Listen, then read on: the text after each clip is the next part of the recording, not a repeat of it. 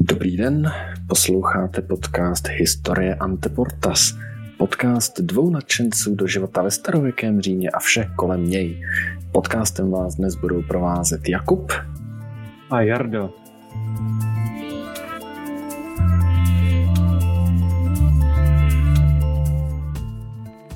A dnes se podíváme na zajímavé téma, podíváme se na hygienu v římské říši.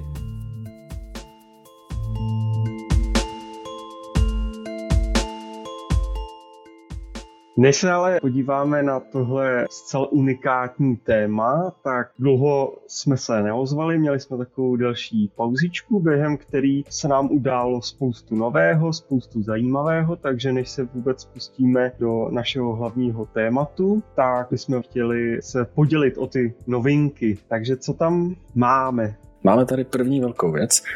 Prohlásili jsme se za velké internetové hvězdy a každá internetová hvězda potřebuje svůj vlastní merch. Takže máme taky. jako správní influenceři v oblasti antiky potřebujeme samozřejmě propagaci a není nic lepšího než krásné tričko s logem Historie Anteportas v římské vínové barvě. A kdyby samozřejmě o tohle unikátní tričko měl někdo zájem, tak se nám klidně ozvěte a my vám samozřejmě to tričko můžeme obstarat. My musíme propagovat ještě náš mail. Vždycky říkáme, napište nám a myslím, že jsme ho řekli asi dvakrát. To je pravda, no. Takže ten e-mail je historie.ante.portas na gmailu. Takže teďka očekáváme, že naší mailovou schránku zahltějí žádosti o 100 tisíce triček.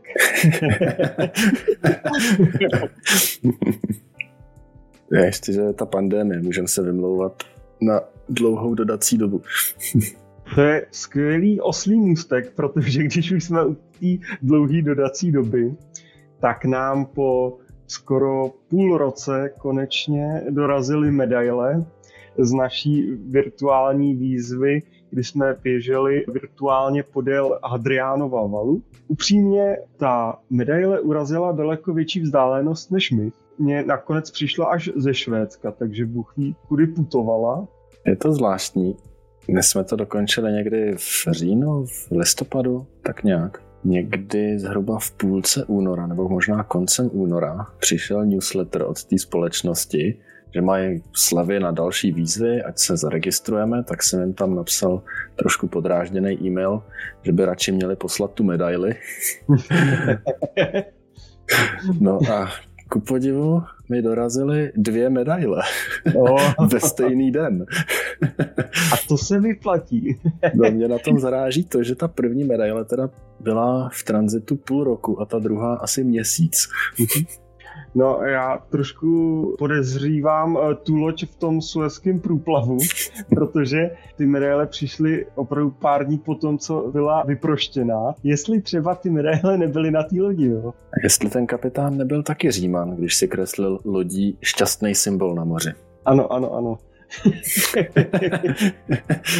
no a jak jsme? Ano, pardon.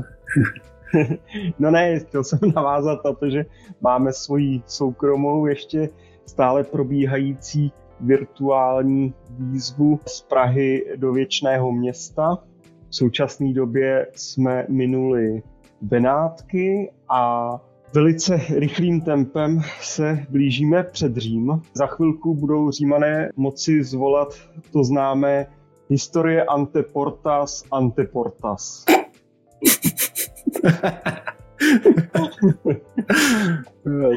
Krásný rým. Jára Zimmerman by měl z tohohle absolutního rýmu radost. Je to tak. Já se teda musím přiznat, že díky pandemické situaci, nepřízní počasí a tak dále, tak se v poslední době v rámci téhle výzvy jenom tak vezu sem tam občas eh, přiložím ruku k dílu, ale Kuba to statečně posouvá dál. Mm, děkuji, děkuji. Když jsme ještě u těch výzev, tak eh, teďka s přicházejícím jarem a právě s naší končící výzvou do Říma, tak už se pohlížíme po nějaké další. Je to zatím teda ve stádiu jenom nápadu, ale zaujala nás výzva okolo pyramid v Gíze. Aby jsme byli věrni svému podcastu, tak jsme to překřtili na uh, a, ptáci, hmm. překřtili na milostnou procházku Marka Antonia. Když už jsme zjistili, že to s těma medailema není podvod a že je opravdu posílají, tak nás to nadchlo. Asi se pustíme do další. tak jo, máme tam ještě nějaký novinky? Nebo už to je všechno? Já myslím, že je to všechno a že už jsme trošku protáhli ten úvod a že určitě posluchači jsou celý natěšený na to naše hlavní dnešní téma. Nicméně to jim ještě nesplníme, protože u tohle klasického standardního dílu je potřeba se ještě zastavit u zajímavostí a ne co ten druhý asi neví. Tak co jsi pro mě přichystal dneska? Aha, dneska mám pro tebe takovou záludnou otázku, protože vezmeme něco ze staré říše a pokusíme se to přirovnat k dnešní době. Otázka zní, kolik by stálo koloseum dolarů, kdyby bylo postaveno dnes? Hmm. Tak to je skvělá otázka. Mě vždycky tyhle ty přepočty na současné peníze fascinují, protože pak se zjistí, že nejenom teďka se utrácí horentní sumy za blbosti, ale i dříve ty stavby byly celkem drahý a nákladný. Takže dolary, jo, tak jo, já nevím, tak třeba 20 milionů dolarů. Oh, tak ty jsi úplně pořád jinde. Tak, 2 miliony. pořád jinde, ale špatným směrem. jako fakt? No. Já tak, Ježíš Maria. tak já jsem se, já jsem právě se, se bál, že, že přestřelím. OK, dobře, v tom případě 200 milionů dolarů. Tak a správná odpověď je 380. Ale to je strašně moc. Já jsem si tady udělal rychlej přepočet a vychází to na nějakých 8 bilionů 300 milionů. 8,3 bilionů korun zhruba. Šiš Maria. No, tak aspoň tady je vidět, že Římani rádi slavili. Když se to porovná s takovou O2 arénou, já myslím, že jsme jako ještě docela čučkaři. To byla hodně zajímavá nachytávka a Počkej, já jsem že... řekl bilionu, že jo, to je česky miliarda, takže 8,3 miliard, jasně. tak. Jo, jasně, no. No ale i tak je to dost teda. Furt víc než o Arena, myslím. Tématu peněz zůstaneme, aniž bychom se dohodli. Jestli pak víš, kdo a při jaký příležitosti řek větu peníze nesmrdí. Jestli ti to pomůže latinsky non-olet. Hmm, kdo to řekl? No nevím, nechám se podat v mojí sociální bublině se tohleto pořekadlo celkem často používá a málo kdo ví, odkud to pochází. No a ta historka je taková, že císař Vespasián zavedl daň z veřejných toalet ale jeho synovi Titovi se to zdálo jako nečistý, přece nebudeme vybírat do státní kasy peníze z toalet. No, podle této legendy Vespasianus vzal ty peníze, dal je Titovi přičichnout a řekl, peníze nesmrdí. Sice jsou z veřejných záchodků, ale nepoznáš to na těch penězích. Jasně. Takhle vzniklo tohleto okřídlený přísloví. Takže vlastně pokud by peníze smrděly, tak bychom věděli, odkud pochází. Já jsem kolikrát rád, že nevím, kde všude byli a jakýma rukama prošli a rozhodně k ním nečichám teda. Tak jo, tak to jsi mě dostal. To bych asi neuhod teda. Tak to jsem rád. Máme to jedna jedna. Tím už se konečně dostáváme k tomu našemu hlavnímu tématu. To je římané a hygiena. Pokud se řekne římané a hygiena, pokud si teda u toho někdo něco představí, tak jsou to většinou veřejné lázně. Římské veřejné lázně je pojem, který znají i lidé, kteří se o antiku vůbec nezajímají. Na začátek bych vám asi potřeboval vysvětlit, že skoro všichni znají ty velké lázně. Těm se říká termy a jsou to vlastně ekvivalent takových současných akvaparků nebo těch spa a wellness resortů, ale kromě těch term existovaly i takový prostý lázně, těm se říkalo balné. To byly takový malý domečky, které sloužily výhradně k umývání. byly sice placený, ale celkem levný, protože pokud jste nežili ve vile, tak jste doma neměli koupelnu a potřebovali jste se někde umít, ale nepotřebovali jste k tomu parní lázně a tak dále, to se pak budeme bavit o těch termách, tak to v podstatě opravdu byly takové veřejné koupelny.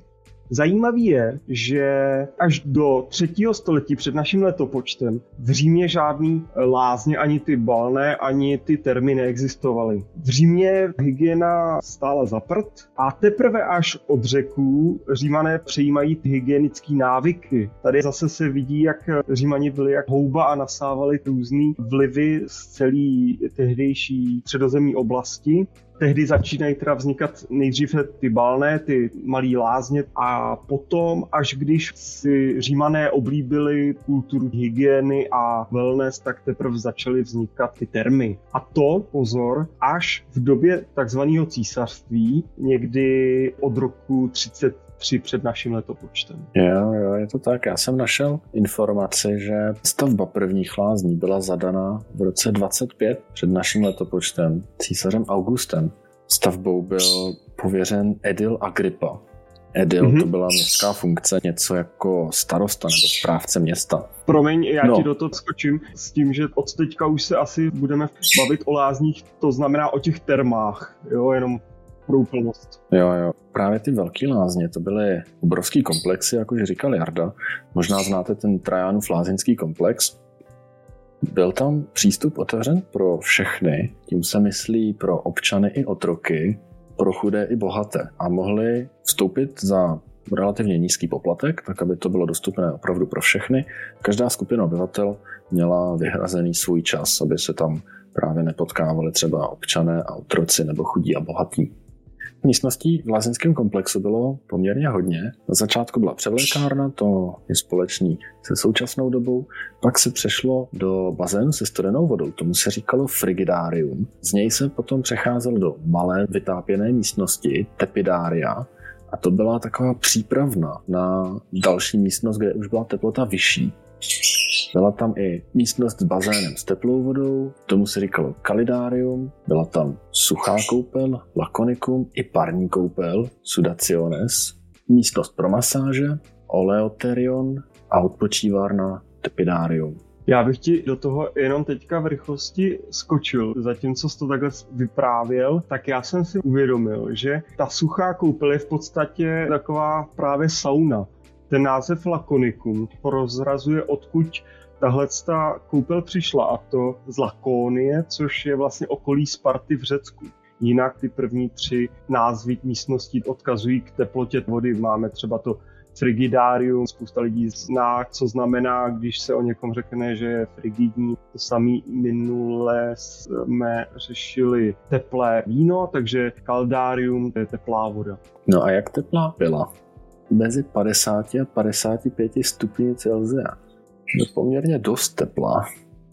Jinak komplex lázní byl stavěný opravdu honosně, byl vyzdoben mozaikami a sochami a malbami a zelení, aby se tam lidé cítili příjemně. I na pohled ty budovy byly krásné. Nebyly to pouze ale lázně nebo sauny, ale patřily k tomu i další sportoviště a tělocvičny a stadiony, kde se lidé mohli do sytosti vyřádit Patřily tam třeba i místnosti pro diskuze a rozpravy nebo pro poslech recitace básní a řečnické přednesy. Patřily tam knihovny a hudební místnosti, bufet a herna. Takže to byl opravdu multifunkční komplex. Dokonce se říká, že ty termy byly tak populární, že občas bylo možné tam zahlídnout i císaře, že opravdu to bylo na tak vysoké úrovni ty služby, že to využíval nějakým třeba i neformálním jednáním a tak dále císař, který samozřejmě v rámci svého paláce nějaké soukromé termy měl, ale jsou dochovány zmínky o tom, že opravdu někteří císaři chodili do veřejných lázní. Ostatně mytí nebo koupele byly hluboce zakořeněny do římského způsobu života. Lidé se měli poměrně často, protože to bylo součástí rituálu. Oni na to byli zvyklí a vlastně to potřebovali, aby mohli naplnit ten rituál. Na venkově se měli všichni, muži, ženy, otroci, každý den a pořádnou koupel si dávali na svátky. Ale aby to nebylo všechno jenom pěkný a příjemný a krásný, tak i lázně mají svou stinnou stránku. Ta nejstěnější pravděpodobně je to, že doktoři předepisovali nemocným jako léčbu návštěvu lázní. Takže nemocní se mísili se zdravými, podstupovali stejné procedury ve stejných místnostech, voda v bazénech nebyla čištěná, nebyla měněna příliš často, takže to poskytovalo další možnost pro šíření různých bakterií a nemocí, takže šance, že se při návštěvě lázní nakazíte malárií, tuberkulózou, tyfem od jiného návštěvníka nebo bakteriemi z vody, byla poměrně vysoká. Když už si zahrál na tu temnější notu těch eh, lázní a různých nemocí, tak eh, tady dokonce je citát Vila chudáků, chrám těla a potěšení, které jsou rovněž místem silně erotizovaným. To znamená, že tam samozřejmě i docházelo k tělesnějším uspokojením, takže tam nebyla nouze i o nějaké ty venerické nemoci, což vedlo k tomu, že až koncem druhého století našeho letopočtu byly definitivně ženy od mužů odděleny v těch termách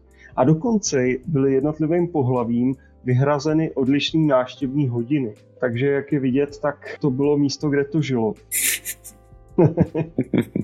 A vlastně ještě kromě jiného jedna věc nebo služba, která se zase vrací do módy v rámci různých těch wellness programů, tak samozřejmě tam i probíhaly masáže, které vlastně prováděli otroci. V těch termách nepracovali svobodní občané, kromě takových těch vyšších třeba administrativních postů, byli tam topiči, protože ty termy potřebovali velké množství tepla, takže tam celý den s dřevěným uhlím roztápili obří kotle, které vlastně produkovaly páru, která se důmyslným systémem podpodlahových kanálků rozváděla do celých terem. Popojedeme dál, od, posuneme se k malému podstématu, které s tím souvisí, a to je, jak pečovali o své tělo. Protože mídlo v té době ještě neexistovalo, nějaké čistící prostředky také ne, ale přesto římané přišli na způsob, jak ze sebe smít špínu. Používali k tomu kombinaci oleje a speciálního škrabátka, kterému se říkalo strigil. To si můžete představit jako zavírací nůž, dlouhý zhruba 20 cm. Bylo to zahnutý, tak aby to dobře kopírovalo křivky těla. Držadlo bylo vyrobeno z kosti nebo slonoviny a celá ta kovová část byla lehce nabroušená. Procedura probíhala tak, že se člověk naolejoval a potom se tady tím škrabátkem, tou ostrou hranou sjíždělo po jeho těle a seškrabávalo se olej společně s rozpuštěnou špínou. Tímhle způsobem se člověk celý seškrabal a dostal ze sebe všechnu nahromaděnou nečistotu. Jestli pak si pamatuješ, v jednom z prvních dílů jsme se už o tom bavili v rámci seriálu Řím. Seriál Řím byl první z těch seriálů, kde ukazovali detaily ze života. A já si vzpomínám, že v jednom díle stojí Marcus Antonius na dvorku a nechává se tam takhle omývat a očišťovat od otroka. Je tam krásně vidět ten zahnutý nástroj, kterým ten otrok mu objíždí paže, nohy a tak dále. Mě teda v souvislosti se Strigilem vyvstala na mysli úplně jiná scéna z úplně jiného seriálu. To je seriál Spartacus, kde se gladiátoři ve svých celách umývali sami neměli na to samozřejmě otroka a bylo to tam taky poměrně detailně zobrazeno. Pokud se neslyšeli naše první díly ohledně filmů a seriálů, doporučuji, tam se všechno dozvíte. Poslední poznámka se strigilem. Našel jsem, že císař Augustus údajně používal strigil příliš vehementně a často si působil otlačeniny a odřeniny. Přece jenom je to naostřený kus kovu, takže pokud asi člověk zabral příliš, tak se mohli pořezat. V současné době se občas někdo nepozorný pořeže žiletkou, když se holí. V antice se mohl pořezat i v podstatě o takový mejdlo. No.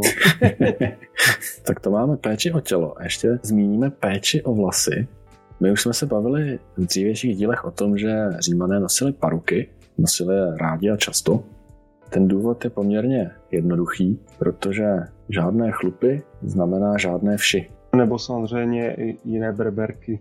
Takže římané se rádi zbavovali ochlupení na těle, jejich představa čistého těla byla spojená právě i s odstraněním ochlupení. Podle historika Seutonia byl Julius Caesar posedlý odstraňováním chlupů. Dokonce nastolil módu kratších vlasů. Do té doby muži nosili plnovousy a delší vlasy, něco jako je třeba spodobnění Platóna na bystě, ale Cezar přišel s módou krátkých vlasů a oholené tváře. Zpátky tenhle trend vrátil až císař Hadrian, který přišel s plnovousem. Je to vlastně i krásně vidět na těch antických bystách císařů nebo vojevůdců. Ta julsko-klaudijská dynastie všichni bez vousů a od Hadriána dál, ne všichni samozřejmě, ale převládá tam pak mužný plnovous. Teďka mě tak došlo, že v rámci julsko-klaudijské dynastie i císař Nero si testoval určitý náznak plnovousu, ale přestože mu chtěli lichotit tak i na listách je to spíš takový chmíří. Navíc prý byl trošku zrzavý, takže to muselo vypadat krásně.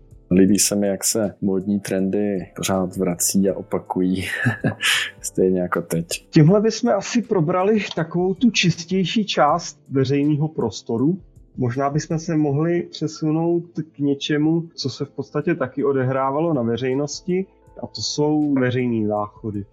Já navážu s takovou zajímavou statistikou. V pozdním císařství bylo v Římě, ve městě Řím, 114 veřejných záchodů. Většinou se nacházely poblíž lázní, protože bylo jednodušší sdílet vodu a byly napojeny na odpadní systém. Některé nebyly poblíž lázní, tím pádem ani nebyly na odpadní systém napojené a za návštěvu se platila symbolická částka. Dokud císař Vespasián nezavedl daň z veřejných toalet. Co to bylo vůbec za prostor? Jak to vypadalo? No to vypadalo úplně jinak, než třeba naše veřejné záchody, pokud jdete na záchod do metra, Máte to tam pěkný, útulný, každý člověk má svoji kabinku, ale tady ne. Tady to byla dlouhá řada, respektive dvě dlouhé řady proti sobě. Do prostoru se vešlo 20 lidí na jednou a každý ten člověk měl na té dlouhé lavici jeden otvor. Tam si sednul, vykasal si tuniku, posadil se nad otvor, vykonal potřebu a u toho mohl hovořit s ostatními návštěvníky, viděli na sebe, mohli si povídat a tak dále. Takže dokonce díky tomuto uspůsobení veřejných záchodů byl ten prostor využíván k tomu, že se tu probíraly politická témata, lidé se zvali na obědy a návštěvy a podobně. Já jsem k tomu chtěl jenom doplnit opět kulturní odkaz. Myslím si, že je to v druhé sérii seriálu Řím, tam probíhá takovýhle jednání, kdy ty dvě postavy spolu něco dojednávají a zcela bez jakýchkoliv stydlivosti dojdou na ten záchod, sednou si vedle sebe, a dál nepřerušeně si vypráví a dohadují nějaký obchod. Takže tam nějaká stydlivost nebo problém se zápachem antika v podstatě nezná. To je opravdu kouzelný, že i na záchodě se dá dohodnout biznis. Vemte si, že sice záchody byly napojeny na kanalizaci, odtokový žlábek, který vedl pod celou lavicí, dost často byl i promýván vodou, ale i tak v takovém horkém italském létě takový záchod byl opravdu cítit široko daleko. Určitě to nebylo nic příjemného vedle toho bydlet.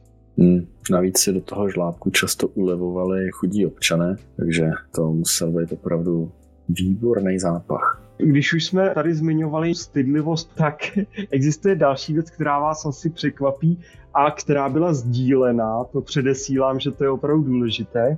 A to byl nástroj, který se nazýval xylospongium.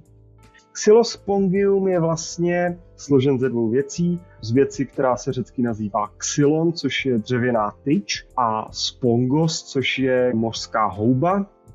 Si to představte třeba jako SpongeBoba na dřevěný tyči. Tahle ta tyč s tou houbou byla namočená v gbelíku buď eh, v horším případě s vodou a v lepším případě s vodou smíchanou se solí a s octem, aby to nějakým způsobem se aspoň trošku dezinfikovalo. A po použití latríny jste si to xylospongium vzali, jak si jste očistili svá poskvrněná místa a vrátilo zpátky do kubelíku. Na každý záchod většinou byly třeba jedno nebo dvě xylospongia. To si ani nemůžete představit, že by aspoň u každý díry byl jeden, ale opravdu to takhle fungovalo. Římané na to byli takhle zvyklí. Samozřejmě, pokud měl někdo nějakou soukromou latrínu, tak tam teda xylospongium měl svoje, respektive na celou domácnost bylo jedno. Jo? Takže žádný toaletní papír, bidet, ale xylospongium. Toaletní papír ani v té době neexistoval, že si museli poradit nějak jinak. No, rukou se mít nebudou přeci, takže sdílená mořská houba na tyči je naprosto ideální. A čemu taková mořská houba na tyči je taky dobrá? Překvapivě k sebevraždě. Já ten příběh znám. A já si fakt myslím, že je to nějaká městská legenda. No nicméně v polovině prvního století Seneca zmiňuje historku, že jeden germánský gladiátor, byl to konkrétně Bestiarius, což byl bojovník se zvířaty, chtěl spáchat a pokud se mu to teda povedlo sebevraždu, tak se schoval v latríně amfiteátru a právě tohleto zmíněný xylospongium si strčil do jícnu a tím se udusil. Umíte si představit, co asi prožíval za trauma, že zvolil takovouhle smrt? Mě fascinuje to, že on byl gladiátor v gladiátorské škole v aréně. Znamená na místě, kde byla poměrně široká paleta zbraní a on si ke zprovození se ze světa vybral xylospongium. Taky mě to udivilo, v každé aréně bylo spousta personálu, který byl cvičený rychlém zastavování krvácení a tak, že on se možná obával toho, že by nemusel dokonat svoji sebevraždu a byl by zachráněn. Přece jenom na té latríně, kde byl trošku bokem, tak asi měl pocit, že má větší šanci odejít na lepší místo. Mm-hmm. Mm-hmm. Ale to už je jako teda samozřejmě moje fabulace, o tom Seneca se nezmíníme. Jestli on ten Seneca není pěkný kecka. Jak říkám, já si myslím, že se to nestalo, že je to fakt městská legenda pro pobavení Římanů, ale co my víme. No, teď, co jsme se bavili o těch záchodech, tak to všechno se týkalo velké potřeby, protože pokud si člověk potřeboval ulevit jen drobně, tak to probíhalo malinko jinak. Co se týče moči, tak ta byla v římské říši poměrně ceněná, takže se schraňovala. Pokud se šel člověk jenom vyčůrat, tak se čůralo do jedné nádoby. Ta moč se potom dál prodávala. Prodávala se valchářům, kteří ji používali na vyčištění vlny. Prodávala se i dalším profesím, které ji používali pro vydělání kůží a další zpracování materiálu takzvaní koželuzy taky nebyly úplně oblíbení sousedé, protože opět zápach z té moči a různých přidaných chemických substancí byl silný a hlavně ti koželuzy tím smradem načichly. I ty osoby, když šli domů, i když se umyli, tak pořád smrdili. A to není jediný použití moči, protože moč se používala například i pro bělení zubů. Římané věřili, že moč udrží zuby bílé a čisté, Tady je trošku vědecký základ, protože moč se rozkládá na amoniak neboli čpavek a to je skvělý čistič. Vůně z úst musela být opravdu excelentní je vidět, že je důležitý nazírání na svět. To, co nám přijde nechutný nebo divný, těm Římanům vlastně divný ani nechutný nepřišlo a je to nějaký kulturní stereotypy a věci, které jsme se my naučili výchovou a jak se to zajímavě jako posunulo, že díky těm soukromým záchodům a tak jsme, co se týká toho vyměšování, tak stydliví, choulostiví. Myslím si, že by se nám Římani vysmáli, co s tím naděláme. Jako. Takový caviky. Přesně tak. My jsme se hezky vrátili zpátky k těm záchodům, protože já bych byl strašně nerad, kdybys vynechal jednu část, kterou si interně nazval záchodový bozy, a já bych byl strašně rád, kdyby nám o nich řekl trošku víc. Tak jo. Záchodový bozy, to mě poměrně překvapilo, když jsem se připravoval na tenhle díl, že taky existovaly, že i záchody měly vlastní patrony. Je to z toho důvodu, že římané prostě překládali hygieně opravdu velký význam, takže existovala bohyně kanalizace, bůh záchodů, bůh exkrementů, bohyně odpadních kanálů byla kloačína. Kloaka znamená kanál. A my se pak budeme ještě o kanalizačním systému bavit, takže jméno kloaka si zapamatujte, to ještě zmíníme. Bůh záchodů se jmenoval Krepitus a byl dokonce odpovědný za nadýmání. Římané se na něj obraceli, pokud trpěli průjmem nebo zácpou. No a potom poslední byl teda bůh exkrementů, ten se jmenoval Sterquilinius, což je hříčka se slovem sterkus neboli výkal. Tohohle boha uctívali obzvláště farmáři a uctívali ho v procesu hnojení pole. Je to opravdu zajímavé, že na všechno římané měli nějakého boha. A brali to vážně, nebyla to legrace, jak nám to přijde, ale byla to vážná věc. Například raný vladař Říma Titus Tacius postavil v jeho záchodě chrám bohyni Kolačině. Je hezký, že v římském panteonu bohu nezapomněli i na takové zdánlivé drobnosti. Já jsem zvědavý, na jaké další bohy během příštích dílů narazíme. Čím víc se do těch témat noříme, tak vyvstávají bozy, který bych fakt nečekal. Popojedem na další tématy. Se chtěl bavit ještě o obytných domech. Tak, to je vlastně jenom taková malá zmínka, která trošku souvisí s těmi záchody. Už v antickém Římě existovaly takové, řekněme, činžovní domy, které měly několik pater, takže kromě klasických vil nebo obydlí, kterým se říkalo domus, z čehož je i třeba české dům, tak existovaly takzvané insuly, což byly celé komplexy výškových budov, a tím myslím opravdu několika patrových budov pro méně majetné občany a obyvatele města. Ty byly nájemní, zatímco vily patřily konkrétním rodinám, tak do Inzuly bylo možné si jenom byt pronajmout. Teďka taková zajímavost. Co si myslíš, který patro bylo dražší? To vrchní anebo to spodní? Aha, a ah, počkej. Tam bude nějaký zádrhel. Trošku. Řeknu, že ty vrchní patra byly preferovanější. A nemáš pravdu. Aj, aj, aj. Má to několik důvodů. Za prvé, jelikož byly stavěny do výšky ty budovy, tak čím byly patra výš, tím se stavěly z tenčích materiálů a uší kvůli statice. Takže nahoře ty byty byly malé krcálky, jenom přepaženy tenkými stěnami, takže to byly v podstatě jenom takové komůrky, proto byly levnější, tudíž tam ani nechtěli ty bohatí bydlet, současně to bylo pod střechou, takže tam pražilo středomořské slunce, takže tam bylo horko. Třetí důvod byl, že ty budovy dost často byly dřevěné nebo z hodně hořlavých materiálů, takže dost často lidi, kteří bydleli až úplně nahoře, než se dostali dolů, tak buď ta budova spadla, anebo tam uhořeli. A ta čtvrtá věc byla ta, že v té inzule nebyly žádný záchody. Potřeba se dělala do nočníků a pak na nějakém dvorku byla velká káč, kam se to vylejvalo. Jak jsme říkali, Římani nebyli tolik útlocitní, takže ono jim nevadilo, že by bydleli vedle té kádě, jim vadila ta vzdálenost, kterou by museli ujít s tím nočníkem. Mm-hmm. Tudíž ty byty byly dražší dole, protože nemuseli tak daleko s nočníkem. Já jsem k tomuhle našel zajímavou informaci, ale nepřekládal jsem jí moc velký význam. Nicméně teď mi do toho krásně zapadá, protože jsem našel, že z tohohle důvodu, aby lidi nemuseli chodit do kádě až daleko dolů, tak oni to vylévali na ulici z okna, obsah teda nádoby. Došlo to dokonce tak daleko, že byl kvůli tomu zaveden i trest. Pokud někdo vylil z okna obsah nočníku a trefil kolem jdoucího, tak eh, to byla pokuta. Je otázka, jak moc byla vymahatelná. Dělo se to s ohledem právě na to, že lidi byli líní chodit dolů do té kádě, že No. Jako, je to logický, současně čím vejš ty lidi bydleli, tím byli níž nad sociálním žebříčku, tudíž jim nedělalo problém vylivat z plašky z okna. I to je ten důvod. Tak, tím bychom se tak jako pěkně mohli dostat k další podtématu a to je kanalizační a vodovodní systém. Obzvláště v Římě, ale i ve větších eh, antických městech byl celkem propracovaný.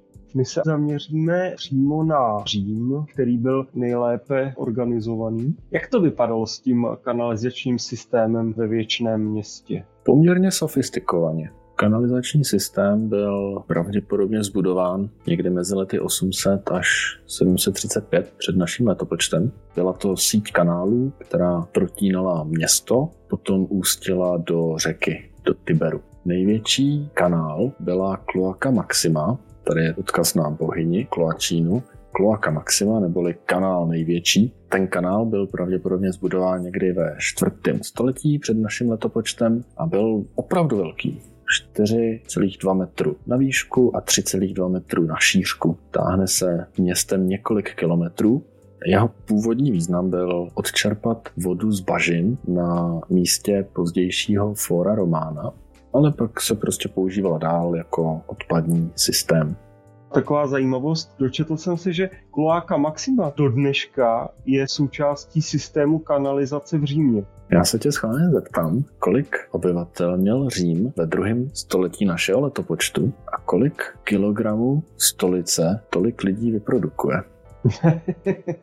no, já bych si musel hodně typovat, nicméně tady vidím, že je to jeden milion obyvatel, což je teda na tu dobu velký počet, protože evropská středověká města se pohybovala v nějakých nižších stovkách tisíc obyvatel. Takže milionový Řím ve druhém století je megapole, a to číslo ohledně vyprodukované stolice mě teda taky hodně překvapilo a teda jako 50 tisíc kilo, což v podstatě znamená, že i současná Praha vyprodukuje stejně. no, jsou to všechno jenom odhady, ale dá se předpokládat, že lidé vyprodukují zhruba stejný objem jako před mnoha stoletími. Co ten systém tehdy musel pojmout, je úplně neskutečný. Takže a... ty, Pardon, pojdej. No ještě se vrátím k porovnání s raným středověkem, no v podstatě celým středověkem, kdy Řím byl schopen skvěle odvádět splašky, ale další města dlouhodobě kanalizační systém vůbec neměla a proto vznikaly různé morové rány a vůbec ta hygiena ve středověkých městech na rozdíl od Říma byla strašná. No, tak samozřejmě Římané trpěli taky na spoustu nemocí, ale hygienu měli na vyšší úrovni, to rozhodně. Já jsem myslel s ohledem na ten kanalizační systém. No, on teda ten systém samozřejmě nebyl dokonalý, Byly tam asi dva největší problémy a to, že systém neměl odvětrávání. Takže občas došlo k nahromadění plynů potom nahromadění plynů způsobilo výbuch. Takže nic pěkného. Mhm. Tomu se římané snažili zabránit zabetonováním trubek do země. tak když tohle bouchlo, tak to muselo být opravdu pěkný. Hmm. To je moje živá fantazie si představila, když ti vybouchne septik. Prostě co to je jako za spoušť, no. No, no. druhý velký problém byl s vypouštěním odpadu do řeky, protože řeka blízko moře ovlivněná přílivem a odlivem a hladina vody stoupala a klesala. No a občas se stalo, že ta hladina stoupla příliš a příliš prudce. Potom se voda vracela zpátky do záchodu s poměrně velkou razancí. Oh. Samozřejmě všechno nesla sebou. Jasně, takže při nějakém přílivu člověk šel na záchod trošku s obavou, co tam najde. Jo, no v lepším případě už bylo po přílivu. Jasně. no a nicméně Ačkoliv Řím leží na Tiberu, vlastně nemá problém s vodou, tak v určitý době vznikl opačný problém a to, že byl nedostatek vody na takové množství obyvatel. No a jak to římané vyřešili? Myslím si, že to zná každý, aniž by se nějak o antiku zajímal. Římané vytvořili akvadukty. A to už od nějakého čtvrtého století před naším letopočtem, kdy voda z Tiberu a z těch potůčků, z těch pahorků už nestačila na zásobování celého města. A tak od doby cenzora Apia Claudia, což bylo v roce 312 před naším letopočtem, se začaly ty akvadukty stavět. Měl jsem za to, že těch akvaduktů bylo relativně málo, ale ono jich bylo relativně hodně. Za republiky byly podstaveny čtyři, během julsko-klaudijské dynastie, to znamená během těch prvních let císařství, jich přibylo dalších šest. Až do čtvrtého století našeho letopočtu jich přibylo dalších 11, takže necelých 20 akvaduktů a nespočet odboček, protože ty akvadukty měly v rámci města dál odbočky, aby rozvedly vodu zejména do veřejných kašen, odkud se voda odebírala, anebo právě do těch lázní a veřejných budov. No, jak to fungovalo? Římané si našli v horách čistý pramen a té vodě postavili most až do města. Proč to nevedli po zemi, ale formou mostu je zcela jednoduchý, protože potřebovali využít gravitace a spádu vody tak, aby dostatečnou razancí dovedli vodu až do města. Takže akvadukt se směrem od hor do toho města svažuje mírně když se na ty akvadukty podíváte, tak máte pocit, že to jsou rovné akvadukty, ale je tam mírný sklon směrem k městu. Na té dílce to dělá relativně velký sklon, pak v přímě už to má velký spát, aby mohla vytékat z kašen a tak dále. Nejdelší z těch akvaduktů dosahuje délky 91 km a za císařství, to znamená v době, kdy existovalo necelých 20 akvaduktů, tak průměrná denní spotřeba Říma byl milion kubických metrů vody denně. To jo. To město bylo tak velké, že už by si nevystačilo s vodou jenom z řeky. Poslední věc k tomu je zajímavý, že akvadukty byly možné postavit jenom u měst, který odebírali vodu z hor. Takže třeba jedno z měst, které Římané postavili, Londýn, tak akvadukt žádný nemá, protože by nebylo odkud tu vodu přivést, takže tam se budovaly studny a samozřejmě se využívalo temže. Mm-hmm. Pro porovnání, průměrná spotřeba člověka v Evropě je nějakých 190 litrů na den, mm-hmm. ale Obyvatel Říma v době největší slávy akvaduktu měl k dispozici, to neznamená, že by ji spotřeboval, až 2000 litrů na den. To je, to je, to je fakt hodně. Ono docházelo vůbec s vodou k zajímavým věcem. Právě jak si zmínil ty odbočky, tak bohatí občané si užívali vlastního přívodu vody z akvaduktu, měli odbočku zavedenou přímo do vlastní vily nebo do vlastního domu. Nicméně voda se z akvaduktu kradla a stavily se černé přípojky, takže aby se tomu nějakým způsobem zabránilo, tak přípojky, které byly legální, byly opatřeny kolkem, ty olověné trubky měly vyražený kolek a to byla značka, že odběr vody je v pořádku. Mm-hmm. I s ohledem právě na ty černé přípojky a na celou masivní síť vodovodů a kanalizací, tak dokonce v císařském Římě byla vytvořena městská zpráva těchto systémů.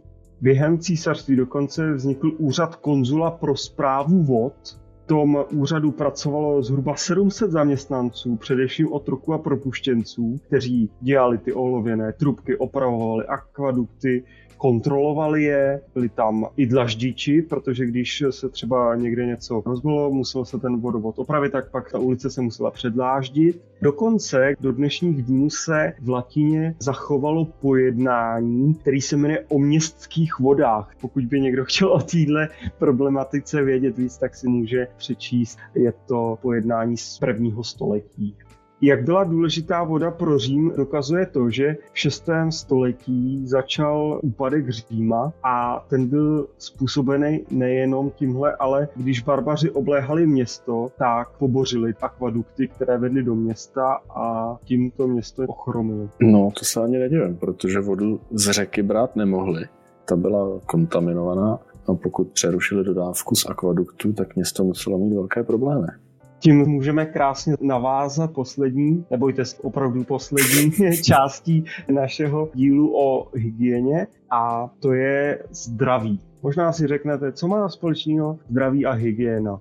Možná víc, než byste tušili, alespoň pro Římany, protože existovala řecká bohyně Hygieia. V řecké mytologii byla dcera boha Asklepia, což byl bůh lékařství. A tahle ta Hygieia byla bohyní zdraví, čistoty a bohyní měsíce. Je jasný, že z jejího jména je odvozené moderní slovo hygiena taková perlička. Hippokratova přísaha začíná právě přísahou na bohyni Hygieju. Nebyli bychom u Římanů, aby neměli ekvivalent řecké bohyně Hygiei a to byla bohyně Salus. Mm-hmm. Takže jak vidíte, hygiena má s tím zdravím v řecko-římském prostoru docela blízko. Takže doktoři v první řadě přísahají na to, že budou čistotní. To můžeme být rádi, protože jak víme, zrovna ty nečistoty nepřispívají ke zdraví. Teď to platí ještě víc než kde jinde. Teďka v rychlosti bychom jenom prošli zdraví a lékařství u Římanů péče o tělo a teda i o zdraví bylo pro ně velice důležité a kultura zdravého těla byla pro Řím i Řecko typická. To znamená, že nejenom čistý udržovaný tělo, ale upravený vous, účest bylo známkou civilizovanosti, respektive městskosti a odlišovali římského občana od toho zanedbaného, zacuchaného a páchnoucího divocha Barbara. Díky tomu římané pocitovali převahu nad okolním světem čistotu a uhlazenost považovali za něco, co je vyvyšuje nad ostatní národy a kmeny. Je to i taková známka důstojnosti. Pokud Říman o sebe nedbá, tak i jeho sociální status okamžitě padal. Je zajímavý, že v prvních stoletích Říma neexistovali v Římě klasický lékaři, ale o zdraví své rodiny se staral takzvaný pater familias, to byla ta hlava rodiny a ta se uchylovala k metodám předků, spojovala to hodně s magickýma praktikama a takové ty jednoduché přírodní prostředky, které se dědily generace na generaci, dneska bychom řekli babské triky. Například, což mi přijde opravdu geniální, pokud chcete zachovat dítě při životě, není nic lepšího, než na něj třikrát plivnout a pronést přitom zaříkávání.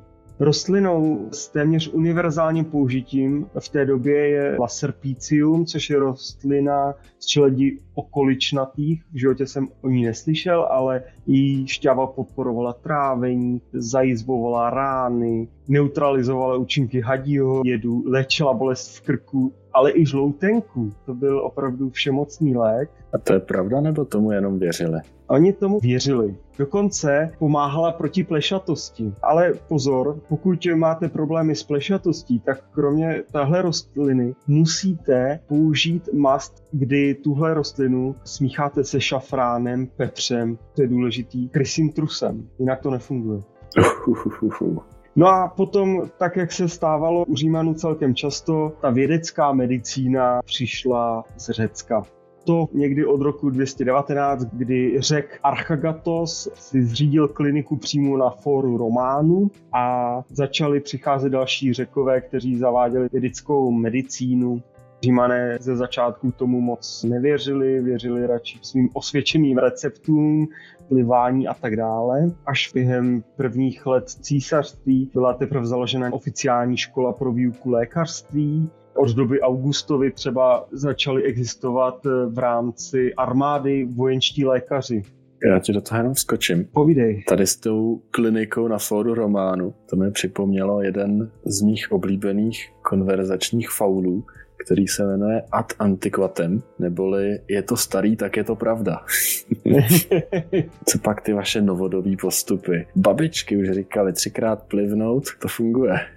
Přesně tak. Nicméně ke konci druhého století už to lékařství mělo vyšší status. Vyskytuje se známý lékař Galénos z Pergama, který dokonce ošetřuje Marka Aurelia a jeho syna Komoda. Začíná se rozvíjet Hippokratovo učení a posléze v tom druhém století se objevuje status státního lékařství. Existují takzvaný archiátry populares, což byli přímo lékaři placení státem, který poskytovali zdarma péči chudým. Ale byli to jenom lékaři pro město Řím. Bylo jich 14 pro každou čtvrť jeden je zajímavý, že své schopnosti museli prokázat před komisí uznávaných praktiků aby tuhle tu službu mohli vykonávat. Naproti tomu existovali i soukromí lékaři, ale tam se žádná zkouška nevyžadovala, protože si je platili sami ty klienti, tudíž to nebylo posvěcený státem a z toho samozřejmě pramenil vysoký počet šarlatánů, ale stát na to myslel aspoň do té míry, že jakýkoliv profesionální pochybení trestal. Mm-hmm. Takže ty si nemusel mít zkoušku, ale jakmile si nějaký zákrok pokazil nebo si namíchal špatný lék, tak tě stát mohl za to potrestat. Tak jo, máš tam ještě něco k tomu? Aspoň z mýho pohledu jsme více než vyčerpali téma hygieny a zdraví Římanů.